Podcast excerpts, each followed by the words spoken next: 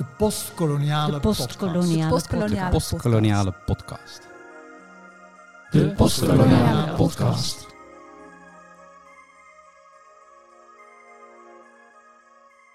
De laatste jaren wordt steeds vaker de nadruk gelegd op de schaduwkanten van het Europese kolonialisme. Dat geweld een essentieel onderdeel was van kolonialisme is tegenwoordig algemeen geaccepteerd. Natuurlijk was er frontgeweld. Er werd strijd geleverd om gebieden te koloniseren of onder controle te brengen. Daarbij werden vaak moderne wapens ingezet tegen een in technologisch opzicht onderontwikkelde tegenstander. Maar er was ook sprake van alledaags geweld, zoals uitsluiting, lijfstraf en seksuele uitbuiting. Koloniaal geweld had daarnaast een symbolische dimensie. Het was bedoeld om de inheemse bevolking in politieke zin te marginaliseren. Het werd ingezet om macht te verwerven over andere mensen en hen vanuit een besef van raciale en culturele superioriteit te overheersen. Het is opvallend dat koloniaal geweld in de literatuur en in films vaak verhuld wordt. Wat is daar de reden voor en hoe moeten we ermee omgaan? We praten erover met Arnoud Arps, die als mediawetenschapper verbonden is aan de Universiteit van Amsterdam en de Universiteit Leiden. Hij bereidt een proefschrift voor waarin Indonesische films over de decolonisatieperiode centraal staan en hij publiceert daarnaast over Indische en Indonesische literatuur. Mijn naam is Rick Honings. Mijn naam is Koen van het Veer en dit is de derde aflevering van de postkoloniale podcast. Het thema van deze aflevering is de verbeelding van koloniaal geweld. Welkom Arnoud. Dankjewel, bedankt voor de uitnodiging. Ja, graag gedaan. Arnoud, welke band heb jij met Nederlands-Indië en Indonesië? Dat is een, eh, een familiale band eigenlijk. Ehm, mijn eh, opa van vaders kant is eh, geboren in Nederlands-Indië. Ehm, als zoon van een zendeling. Ehm, en die, heeft daar, die is daar geboren en eh, heeft daar ook in een Japans interneringskamp gezeten. Is daarna naar Nederland gegaan. Ehm, en ehm, ik betrap mezelf erop dat altijd als mensen aan mij vragen wat is je band met Indië, dan is dat eigenlijk het antwoord. Ehm, maar tegelijkertijd is natuurlijk het antwoord ook wat mij verbindt met Indonesië, is namelijk dat mijn moeder, eh, die Indonesisch is, eh, eh, uit Java komt en haar ouders natuurlijk ook geboren zijn tijdens de koloniale periode in Nederlands-Indië, alleen dan als Indonesiërs. Ehm, dus dat is eigenlijk eh, in, in beide gevallen van beide kanten van de familie eh, mijn relatie tot eh, zowel Indië als Indonesië. En ben je zelf vaak in Indonesië geweest? Ja, eh, vrij regelmatig. Dus ik, ik heb nog steeds familie ook in Indonesië en wij zijn eh, vroeger daar vaak geweest om eh, op bezoek te gaan en tegenwoordig natuurlijk als eh, eh, wetenschapper ook wel eens voor eh, veldonderzoek. Wat voor veldonderzoek heb je daar gedaan dan? Ehm, ja, dat is ehm, in 2017, 2018 ben ik daar eigenlijk geweest, voornamelijk voor mijn proefschrift. Ehm, en dat was ehm, eh, in eerste instantie verkennend. Ehm, dus nou, ik, ik maak dan meteen misschien maar meteen het bruggetje naar mijn proefschrift. Is dat ik mijn proefschrift ben begonnen omdat ik eh, herkende dat er veel in Indonesië te doen was om eh, de, specifiek de Indonesische onafhankelijkheidsoorlog en ehm, in Indonesische populaire cultuur. Dat is heel breed. Waar ik het aan zag was eh, Nederlandse films. Eh, sorry, Indonesische films natuurlijk, over ehm, eh, de onafhankelijkheidsoorlog. En ehm, die waren in eh, Nederland vrij lastig te verkrijgen. Dus een van de weinige plekken waar je dat eh, wel hebt en waar ik het dus wel kon vinden, was hier in Leiden. Ehm, eh, bij eh, de Asian Library en ehm, de collectie van het KITLV. Dus eh, eigenlijk is dat onderzoek begonnen hier in Leiden ehm, in de bibliotheek. En heb ik wat films bekeken alvast, maar om echt te weten wat er speelt in Indonesië, moest je naar Indonesië. Dus dat is uiteindelijk wat ik heb gedaan. En ben ik daar rond gaan kijken, heel simpel. Hoe leeft het? Waarin leeft het? Op welke manier wordt er in Indonesië eh, teruggekeken eigenlijk eh, naar dat verleden? En daarna heb ik nog vervolgonderzoek gedaan en dat waren interviews bijvoorbeeld en ehm, ehm, participant observations, zoals dat heet. Dus een van de case studies die ik onderzoek zijn ook ehm, is, is historical reenactment. Dat zijn van die groepen die veldslagen uit de oorlog nabootsen. En, en ik heb gekeken hoe ze dat doen en gevraagd waarom ze dat doen en wat ze daarbij voelen. Dat is bijvoorbeeld iets. En je doet onderzoek naar Indonesische films. Ja. Wat valt je op als je die gaat bekijken? Ehm, ja, brede vragen. Maar ik denk dat wat, wat het meeste opvalt is, als je specifiek naar de films kijkt, is dat enerzijds dat er heel veel zijn. Dus dat is echt een contrast met Nederland. Ehm, maar dat die films ook ehm, eh, en dat is eigenlijk ook weer in tegenstelling met wat je eigenlijk in de introductie zei. Want dat klopt wat je zegt, dat uh, koloniaal geweld in films vaak verhuld wordt. En dan specifiek Nederlandse. En in Indonesische films is het eigenlijk niet zo. Dus het is vrij expliciet, vrij gewelddadig, um, vrij inbeeld. En um, wat je heel erg ziet daarin is dus ook dat... Um, uh, het oorlogsnarratief, als je gewoon bekend bent met een, laten we zeggen stereotype of archetypische oorlogsfilm, dan herken je dat in de, in de grote populaire films ook.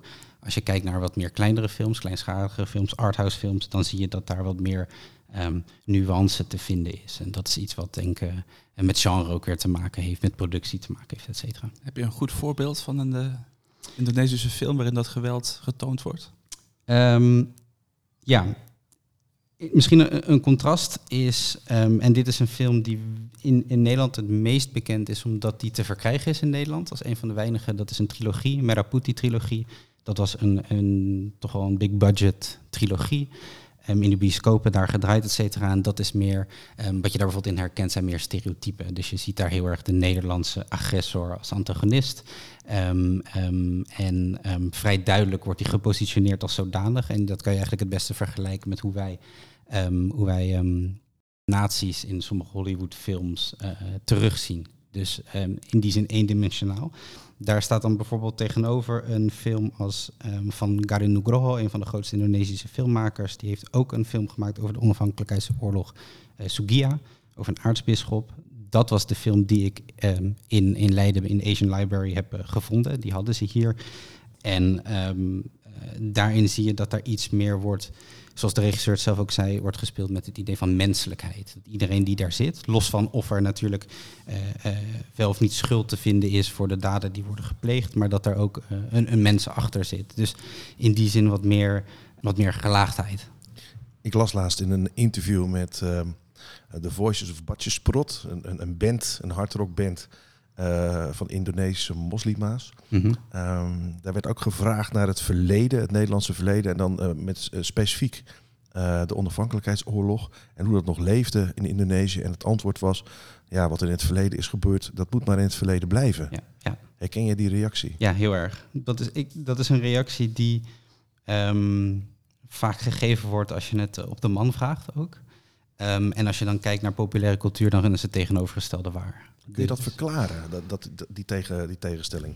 Um, ja, ik denk dat het voor veel mensen wel geldt. Dus net zoals dat veel Nederlanders nu niet bezig zijn met het oorlogsverleden van Duitsland tijdens de Tweede Wereldoorlog.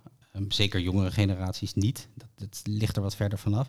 Tegelijkertijd is zeker de onafhankelijkheidsperiode, als je het specifiek daarover hebt, en nog meer dan zeg maar het koloniale verleden in Indonesië. Het is een, um, hoe moet je het zeggen? Het is een, een goed verhaal, een goed narratief om um, bijvoorbeeld tegen hedendaagse problemen in te gaan. Dus uh, je moet je voorstellen dat je als Indonesië zijnde een ontzettend groot land hebt met verschillende talen, verschillende culturen, verschillende eilanden um, en verschillende duizenden natuurlijk. Um, en om daar een bepaalde eenheid in te vormen, dan wordt vaak teruggegrepen naar de onafhankelijkheidsoorlog, omdat dat een eenheidsverhaal is. Dus je hebt de ontstaansmythe van het land. Je hebt dan bijvoorbeeld de Nederlander, niet altijd, maar bijvoorbeeld de Nederlander als vijand. Dat is ook een makkelijke vijand. Um, um, als je het puur hebt op huidskleur bijvoorbeeld, kan je een hele makkelijke distinctie, een herkenbare distinctie maken.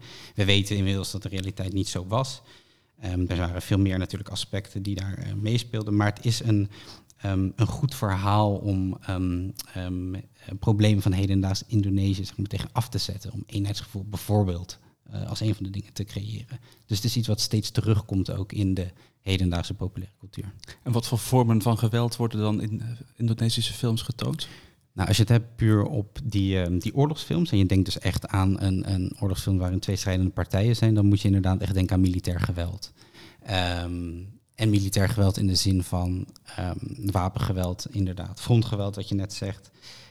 Um, wat minder langdurige vormen van geweld als wat je in de introductie zei, dus dingen als uitsluiting of um, seksuele uitbuiting op de lange termijn, zeg maar. Dat zijn meer films die, uh, dat zijn meer thema's die, die, die terugkomen misschien bij films die gaan over um, de koloniale periode aan zich. En niet per se die films die gaan over de oorlog. Dat zijn echt over het algemeen in ieder geval oorlogsfilms. En, en andere vormen van populaire cultuur?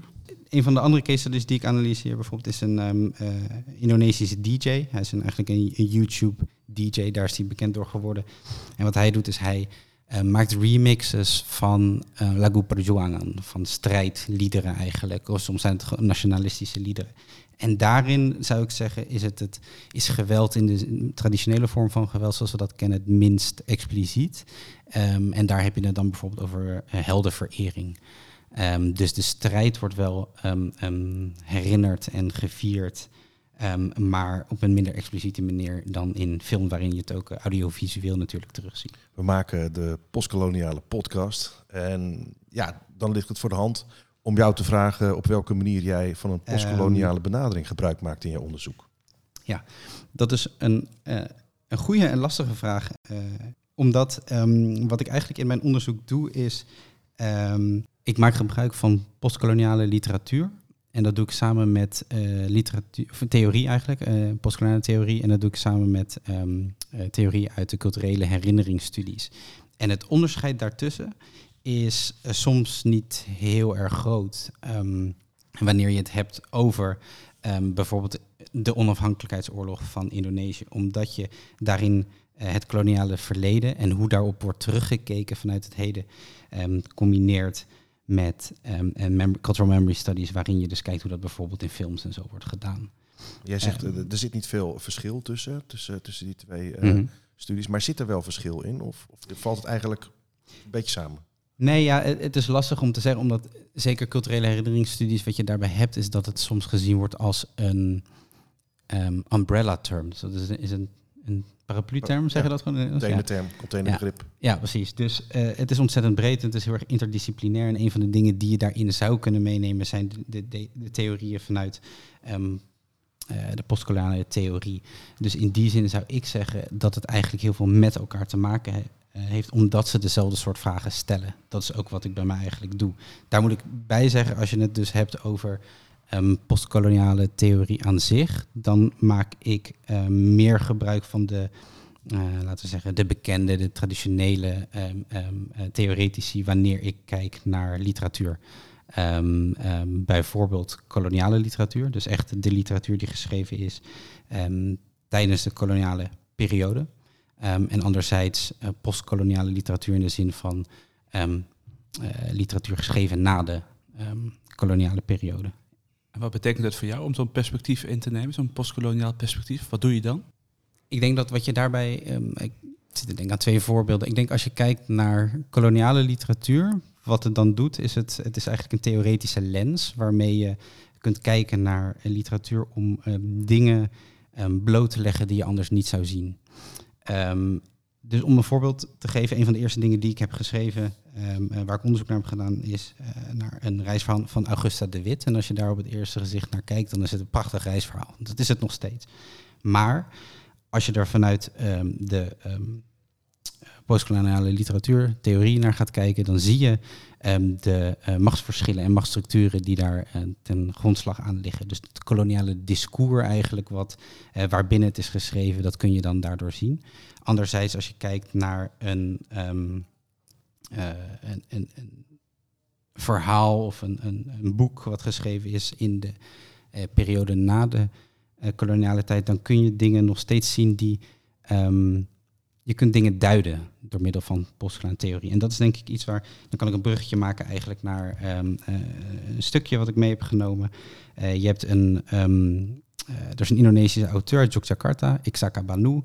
Um, die heeft een, een, een, bundel kortverhalen geschreven. En uh, wat eraan opvalt, wat het meest eraan opvalt, is dat ze geschreven zijn vanuit het perspectief van de Nederlander. En niet vanuit Indonesië. En dat is iets wat ik denk de meeste mensen wel opvalt. Maar postkoloniale uh, theorie kan je helpen duiden wat het dan betekent. Waarom dat wordt gedaan en wat voor betekenis dat heeft voor mensen. Dus in dit geval um, kun je het ook begrijpen. En je kan begrijpen waarom het wordt gedaan. Dus in dit geval um, worden die verhalen geschreven vanuit uh, Nederlands perspectief. En een van de redenen um, waarom dat is gedaan, althans hoe je het kunt, beschrijven, hoe je het kunt um, begrijpen, is als een manier hoe er in Indonesië terug wordt geschreven. zoals dat wordt gezegd in de postkoloniale literatuur. Dus, sorry, theorie. Ik haal de hele tijd door elkaar. Postkoloniale theorie. Dus ehm, wat je daar ziet is dat ehm, in Indonesië, en dit, volgens mij Koen hier zelf ook over geschreven, maar is het idee dat, eh, ehm, dat Indonesiërs weinig tot geen onderwijs kregen in de Nederlandse taal. Dus er was niet de mogelijkheid om zich te ontwikkelen ehm, tot een, laten we zeggen, tegenstem in het Nederlands tijdens de koloniale periode. En wat je nu ziet dan in deze literatuur is dat in plaats van dat er in het Nederlands wordt geschreven, want Banu schrijft in het Indonesisch, ehm, wat hij doet is hij schrijft terug door de positie, door het perspectief in te nemen van de Nederlander. Om nieuwe, ehm, nieuw licht te schijnen, nieuw licht te werpen op het koloniale verleden. En dat doet hij hier in het, het stukje wat ik straks ook nog zal voorlezen, ehm, door eigenlijk eh, in te gaan op ehm, wat een herinneringsdiscours heet. Dus zowel in Indonesië als in Nederland kun je eh, manieren herkennen waarop we naar het verleden kijken. En hij speelt daarmee ehm, door middel van het perspectief. Dus ik kan een stukje voorlezen. En dit is een kort verhaal dat heet ehm eh, Slamat Tinggal Hindia, of Vaarwel Indië. En het gaat over een telegraafjournalist die in ehm, Indië een, eh, een, een, een vrouw, een Nederlandse vrouw tegenkomt, Geertje. ehm, wanneer zij uit een Japans interneringskamp komt, dan gaat ze naar haar eigen huis en ehm, eh, wil ze eigenlijk haar huis weer opbouwen. En de telegraafjournalist die vindt haar naïef. Want hij zegt nee, dat gaat niet meer gebeuren, Indië is voorbij, et cetera. Maar wat er dan uiteindelijk blijkt, is dat Geertje helemaal niet zo naïef is en dat hij eigenlijk naïef is. Want wat Geertje doet, of wat ze heeft gedaan, is zij heeft al lang de kant van de Indonesiërs gekozen. Ehm, zij is tijdens de oorlog een... ehm, haar huis was eigenlijk een, een, een soort, ja, hoe moet je het zeggen? Ehm, Verzamelplaats. ja, verzamelplaats geweest inderdaad voor Indonesische vrijheidsstrijders. Dat heeft zij dan gebruikt daarvoor. En dat doet zij omdat zij herkent dat Indonesië onafhankelijk moet worden. Op de spiegel stond iets naast elkaar geschreven. Haastig gekrabbeld met rode lippenstift. Vaarwel Nederlands-Indië, welkom Republiek Indonesië. Ik stelde me Geertje voor met de kuiltjes in haar wangen, zittend te midden van de uitgestrekte rijstvelden, zingend met de mensen van wie zij hield. Dit is mijn land. Dit is mijn thuis. Wat mijn lot uiteindelijk ook zal zijn, ik zal hier blijven. Geertje wist al vanaf het begin waar zij stond. Langzaam begon ik het woord verrader, dat zojuist kans gezien had om mijn gedachten binnen te dringen, uit te wissen. En wat hier gedaan wordt, is dat ehm, door die ehm, focalisatie, door dat perspectief van de telegraafjournalist, zien we eigenlijk hoe Geertje als een Indische, eh, Nederlands-Indische vrouw die ehm, sympathiseert met Indonesiërs, in eerste instantie gezien wordt als verrader. Of tenminste dat discours wat we kennen ook in Nederland, in, in postkoloniaal Nederland, als ehm, ehm, mensen die samenwerken met Indonesië als verraders bijvoorbeeld, dat dat eigenlijk weggaat. Ehm, dat dat ehm, in twijfel wordt getrokken omdat Geertje allang die beslissing had gemaakt. Ehm, en daar speelt natuurlijk mee dat de auteur ook Indonesisch is, et cetera. Nou, het is allemaal veel complexer dan dat ik nu kan toelichten, maar, Maar dit het is, is, zeg prachtig, maar het een is een prachtig voorbeeld in ieder geval. Is er in Nederland veel belangstelling voor dit soort eh, boeken? Indonesische boeken? Eh, nee. Ehm, en dat zou wel moeten zijn natuurlijk. Ze worden omdat, niet vertaald. Nee, dat is een, een probleem. Ehm, je kunt veel meer Indonesische boeken in het Duits of het Engels vinden dan in het Nederlands. Hoe komt dat?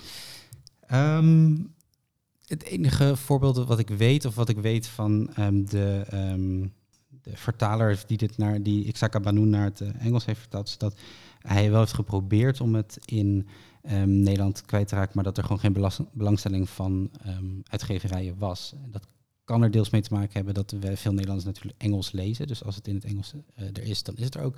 Anderzijds kun je het ook zien als dat het gezien wordt als een ehm, ja, laten we zeggen, onderdeel van wereldliteratuur, een soort van de restcategorie.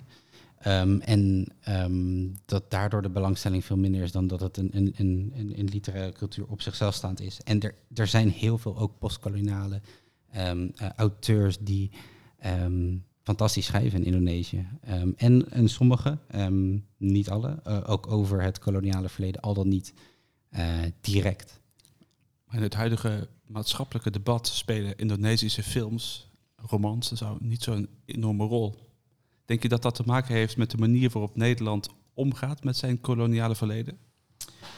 Ehm, ja, ik denk dat het ook te maken heeft met toegankelijkheid. Dat moet ik dan ook wel weer toegeven. Dus zoals ik in het begin al zei, dus ik heb eh, hier in Leiden wel wat films gezien. Ehm, en dat was eigenlijk meer een soort van voorverkenning. Maar om echt ehm, de, de films te zien die in Indonesië op dit moment draaien en spelen, ehm, moet je naar Indonesië gaan. Dus het heeft ook met circulatie te maken. Dus de toegankelijkheid is er ook niet echt.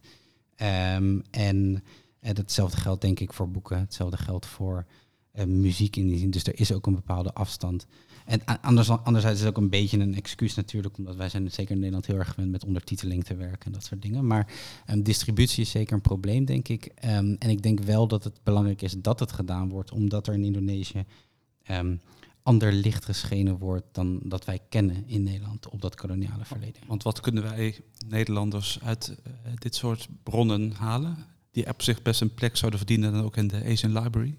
Ja, ik denk, nou ja, dat wordt op zich wel gedaan. Dus kijk, ik, ik, heb ook, ik ben ook in, in Jakarta langs geweest bij KITLV Jakarta. Uh, dat werkt uiteraard samen met KITLV hier in Leiden. En um, die zijn, wat zij doen is zij verzamelen boeken en films, et cetera. En die sturen ze dan ook weer naar Leiden toe. En, um, uh, dus dat wordt, dat wordt al zeker gedaan. Ik denk dat het meer gaat om een soort van wijde distributie. Maar um, ik denk dat die interesse er ook minder is, omdat uh, de vragen die in Indonesische populaire cultuur worden gesteld, voor ons minder interessant zijn misschien. Of nou ja, dat zou wel zo moeten zijn. Maar laat ik, het laat ik het omdraaien. De vragen die in Nederland soms worden gesteld over het koloniale verleden... zijn in Indonesië minder belangrijk. Dus om een voorbeeld te geven, in Nederland is er veel te doen over um, het geweld... Um, al dan niet structureel um, tijdens de Indonesische onafhankelijkheidsoorlog. En dat is geen vraag die speelt in Indonesië. Dus dat is een gegeven, als het ware. Elke oorlogsfilm in Indonesië gaat uit van um, dat dat heeft plaatsgevonden. Dus dat is niks verrassends. En dat richt zich dan vooral op het Nederlands geweld? Ja, ja, ja. Kijk, schrijven, schrijven of uh, maken ze ook films over Indonesisch geweld? Um, ja, het zit er zeker in. Dus um, zeker de periode die wij kennen als de Bersiap bijvoorbeeld. Nou ja, Banu, dat, dat verhaal wat ik net heb voorgelezen is in uh, uh, Hindia, speelt zich ook af tijdens de onafhankelijkheidsperiode, speelt zich ook af tijdens de Bersiap, wat wij kennen als de Bersiap. En um, daarin wordt ook de Pemuda, die in Nederland, zeker in Indische kringen, vaak gezien als een misdadiger, bijvoorbeeld ook deels in twijfel getrokken. En in Indonesië is dat vaak een held. Nou, dat wordt ook in twijfel getrokken. Dus dat is vrij genuanceerd, is niet altijd zo. Maar in veel van die oorlogsfilms zie je ook um, wel geweld um, vanuit Indonesische zijde. Dus uiteraard vanuit de soldaten, maar ook wel eens burgers. Dus um, naar uh, andere, met name andere Indonesische burgers, ook wel soms Indische Nederlanders. Maar dat is vaak op die manier gestructureerd, dus discursief. door middel van het narratief, door middel van het verhaal, als een soms een noodzakelijk kwaad of als onderdeel van. Dus als de Indonesische soldaten vechten tegen de Nederlanders en ze, ze uiten extreem geweld, dan is dat gerechtvaardigd in die zin. In Nederland is er de laatste tijd heel veel te doen. Je zou kunnen zeggen uh, met, met, met tussenperiodes. Hè. In 1969, Joop Huting mm -hmm. uh, begon daarmee. Maar vanaf 2016 heeft het zo'n beetje een vlucht genomen met de tolk van Java en de brandende kampongs van generaal Spoor. Mm -hmm. Daarna kwam het grote Otgooi-onderzoek. Uh, Heb jij nu een idee hoe dat in Indonesië leeft? Wordt daar naar gekeken? Uh, doet men daar iets mee in Indonesië? Ja, ik, nou ja, ja, dus zeker wel. Um, dus um, als ik me niet vergis. Um, nou ja, ik weet het niet. Ik weet, ik weet geen exacte voorbeelden hiervan, maar veel van die, van die boeken bijvoorbeeld, met name boeken, die worden vertaald. En die worden daar ook uitgegeven en daar is zeker wel aandacht voor. En hetzelfde is als een film als De Oost is ook gedistribueerd daar. Anderzijds is het moeilijk om te, en dat is ook iets waar ik natuurlijk tegenaan loop. En dat moet je ook erkennen als soort van, uh, um, als, nou ja, is het een belemmering, maar je moet je, je inperken daarin, is dat je niet kan zeggen hoe er in Indonesië naar wordt gekeken. Dat is hetzelfde. Het is veel, veel te, veel ja, te generiek dus, natuurlijk. Maar. Dus is er aandacht voor? Zeker. Zijn er mensen in geïnteresseerd? Uiteraard. Um, maar je kunt nooit, een, net zoals dat in Nederland natuurlijk niet zo is, maar je kunt niet één lijn trekken daarin in hoe uh, geïnteresseerd ze daarin zijn. Um, dat is heel regionaal, denk ik ook. Maar er is zeker aandacht voor wel. Ja. Wat zou er nou moeten gebeuren om ervoor te zorgen dat Nederland en Indonesië dichter tot elkaar komen? Nou, ik denk zeker dat, waar we het net over hadden, dat uh, uh, literatuur, dat cultuur, populaire cultuur ook, um, daaraan kan bijdragen. Um, omdat het je um, gewoon andere inzichten geeft, een ander beeld schetst. Ehm, ehm, soms heb je nodig dat iemand anders je op dingen wijst die je anders niet gezien zou hebben. Dat in het leven, maar natuurlijk ook zoals je kijkt naar het verleden. Um, dus ik denk dat dat uh, het, het breidt je, je, je scope uit, zeg maar. Dus dat helpt. Aan de andere kant moeten we altijd heel erg kritisch zijn daarin, omdat het maar een heel klein gedeelte steeds van het verleden kan laten zien. Vanuit een hele um, specifieke uh, tijd en plaats. Dus um, daarbij kun je denken aan een film als De Oost in Nederland, waarbij enerzijds mensen heel erg blij zijn geweest dat er uiteindelijk een film is gemaakt over het oorlogsgeweld uh, vanuit Nederlandse zijde. Tegelijkertijd zijn er mensen die zijn natuurlijk heel kritisch op, want die zeggen, nou ja, nu worden afgeschilderd als oorlogsmisdadigers. Tegelijkertijd zijn er ook weer mensen die zeggen, Indonesiërs spelen er geen rol in, et cetera. Dus het is iets wat um, ogen opent, film en literatuur. Um, maar tegelijkertijd moet je er altijd kritisch op blijven, omdat het um, ook een bepaald beeld schetst van dat verleden. En dat, dat is natuurlijk in Nederland zo en net zo goed in Indonesië zo. Maar um, desondanks denk ik dat dat iets is wat uh, meer van elkaar zien en meer van elkaar lezen, denk ik dat dat wel zou helpen om een beter beeld te schetsen van hoe we in het heden omgaan met dat verleden. En dat is zeker anders. Welke rol speelt jouw proefschrift uh, daarbij? Um, nou ja, wat ik hoop daarmee is dat omdat ik net al zeg dat de, de, de case studies die ik heb, dus de hoofdstukken die ik schrijf over de objecten die ik analyseer, die zijn niet zo makkelijk toegankelijk in Nederland. Dus ik denk dat um, het helpt voor, laten we specifiek zeggen, in, Nederland dan mensen om een beter beeld te krijgen van hoe er in Indonesië met dat verleden wordt omgegaan, hoe er naar wordt gekeken. En tegelijkertijd ook de realisa realisatie te krijgen dat het niet per se de dingen zijn die, we, die wij willen weten. Um, dus Um, om een heel klein voorbeeld te geven ook, is dat Nederland is natuurlijk ontzettend belangrijk in die onafhankelijkheidsoorlog. Maar tegelijkertijd zijn, zijn we als um, Nederlanders ook relatief onbelangrijk. Wat belangrijker is, is dat wij de functie van antagonist innemen in die films bijvoorbeeld. Als je denkt aan de onafhankelijkheidsoorlog, als wij daaraan denken, dan denken we aan Nederland versus Indonesië. Heel erg zwart-wit, maar laten we daar eventjes van uitgaan.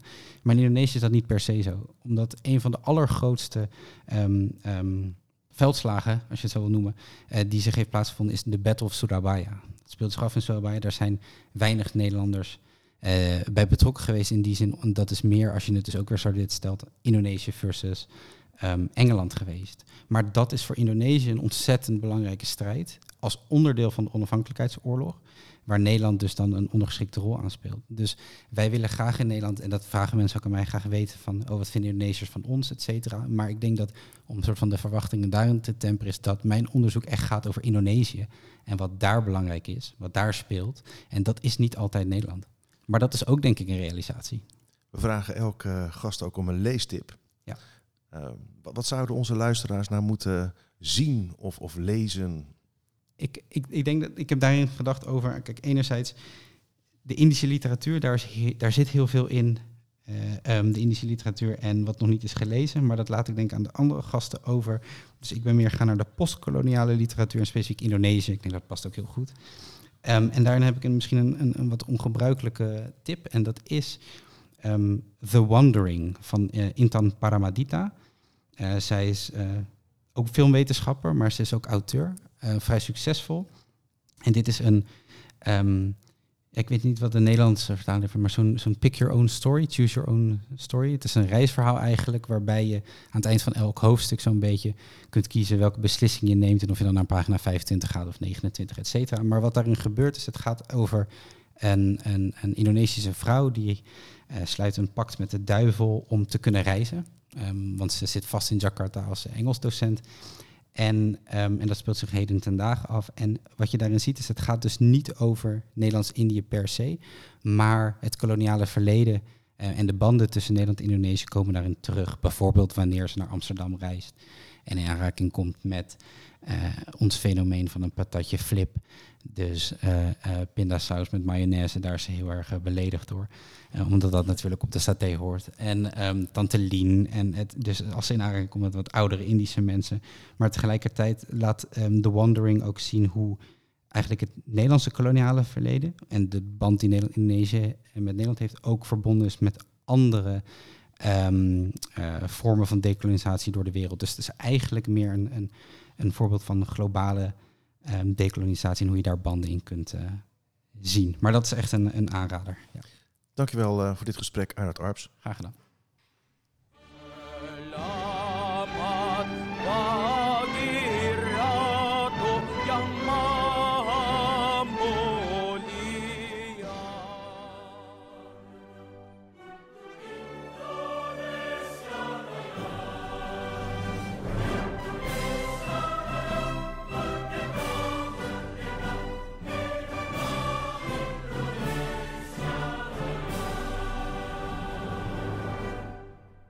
Postkoloniale podcast werd gemaakt in het kader van het NWO-VIDI-project Voicing the Colony Travelers in the Dutch East Indies, dat aan de Universiteit Leiden wordt uitgevoerd binnen het Leiden University Center for the Arts in Society, LUCAS. Wil je meer weten over de Nederlands-Indische literatuur? Word dan lid van de werkgroep Indisch-Nederlandse Letterkunde en ontvang vier keer per jaar het tijdschrift Indische Letteren. Zie voor meer informatie de website. Ben je benieuwd naar de grootste Indonesië-collectie ter wereld? Breng dan een bezoek aan de Asian Library in de Universitaire Bibliotheek Leiden. Zie bibliotheek.universiteitleiden.nl. Aan deze podcast werkten mee Goran Buasic, Rick Honings, Tatum Meijer en Koen van het Veer.